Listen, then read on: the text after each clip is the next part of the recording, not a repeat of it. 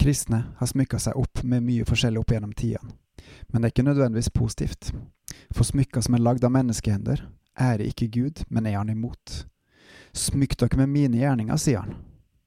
Det her er det jeg vil ta opp i dagens episode av Gud i sentrum av meg, Håkon Winnem.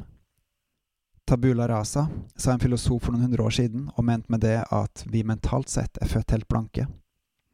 Opprinnelig i antikken så var det snakk om ei tavle som var dekka av et voksdekke, som gjorde at det var mulig å vaske tavla mellom hver gang vi brukte den.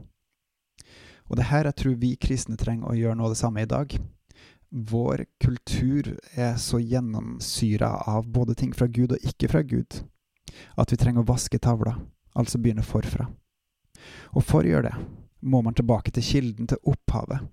Vi som tror på Jesus, kjenner denne kilden, men bruker likevel så lite tid med han. Hvorfor? Kun Gud er Gud, kun det Han sier er sant, Han er visdommen, og attpåtil vil Han at vi skal arve Han, være Hans sønner og døtre, være Hans familie, at hver og en av oss skal kjenne Han. Og likevel så bruker vi så lite tid med Han, vår far. Hvorfor er det sånn? I Markus kapittel fire forteller Jesus om såmannen som sår Guds ord. Hos noen kommer Satan og tar vekk ordet, hos andre slår det ikke rot og visner etter en kort stund. Hos noen bærer det god frukt fordi de tar imot ordet. Men det er også ei fjerde gruppe, ei gruppe som mange av dagens kristne føler seg hjemme i. Det er de som tar imot ordet, men livets rikdom og bekymring har lyst til å kvele ordet, sånn at det ikke bærer frukt. Når en da veit hva Jesus sier i Johannes evangeliet om de som ikke bærer frukt, hva Jesus sier i Matteus om de som ikke tar vare på hans minste, hvordan våger vi da å la være å bruke tid sammen med Gud, og ikke sørge for at Hans ord vokser i god jord hos oss? Det er så enkelt. Dersom en ikke er med Gud, så vil en ikke vokse, så vil en ikke bære frukt, og trolig vil man gå fortapt. Men det motsatte er så rikt, det er så majestetisk, så fullt av Guds kjærlighet og gode vilje, og det er helt gratis.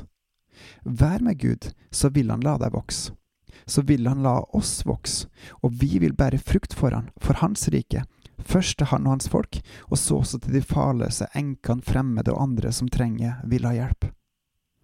Vi skal faktisk elske våre trossøsken, våre brødre, først, for da bygger vi Guds familie, vår familie, og da vil vi kunne kjennetegnes på at vi elsker hverandre, og andre vil ta del i denne kjærligheten. Og samtidig, aller først, vær med Gud hver dag. I kristen kultur har vi smykker fra Gud, og så har vi også smykker fra denne verden, smykker som er laga av menneskehender, og som er Gud imot. Disse har tvinna seg sammen, så vi sliter med å si hva som er hva.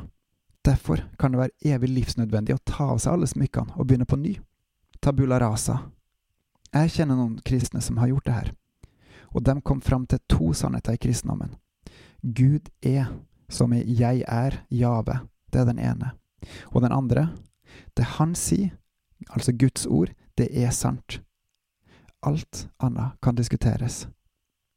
Gå til Gud med smykkene dine, be han hjelpe deg med å bare bære hans smykker, be han hjelpe deg med å avsløre menneskelagde smykker, smykker som er han imot, og ta imot hans veiledning, og følg det han sier. Husk at det han sier er sant, så gjør det sjøl om det gjør vondt. Og husk også å sjekke opp det du får ved hjelp av Bibelen, og eventuelt noen som har kommet lenger enn deg i det her.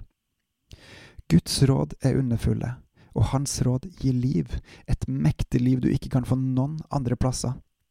Og så bærer det frukt for han og hans rike, til alle dem troendes beste. På gjensyn.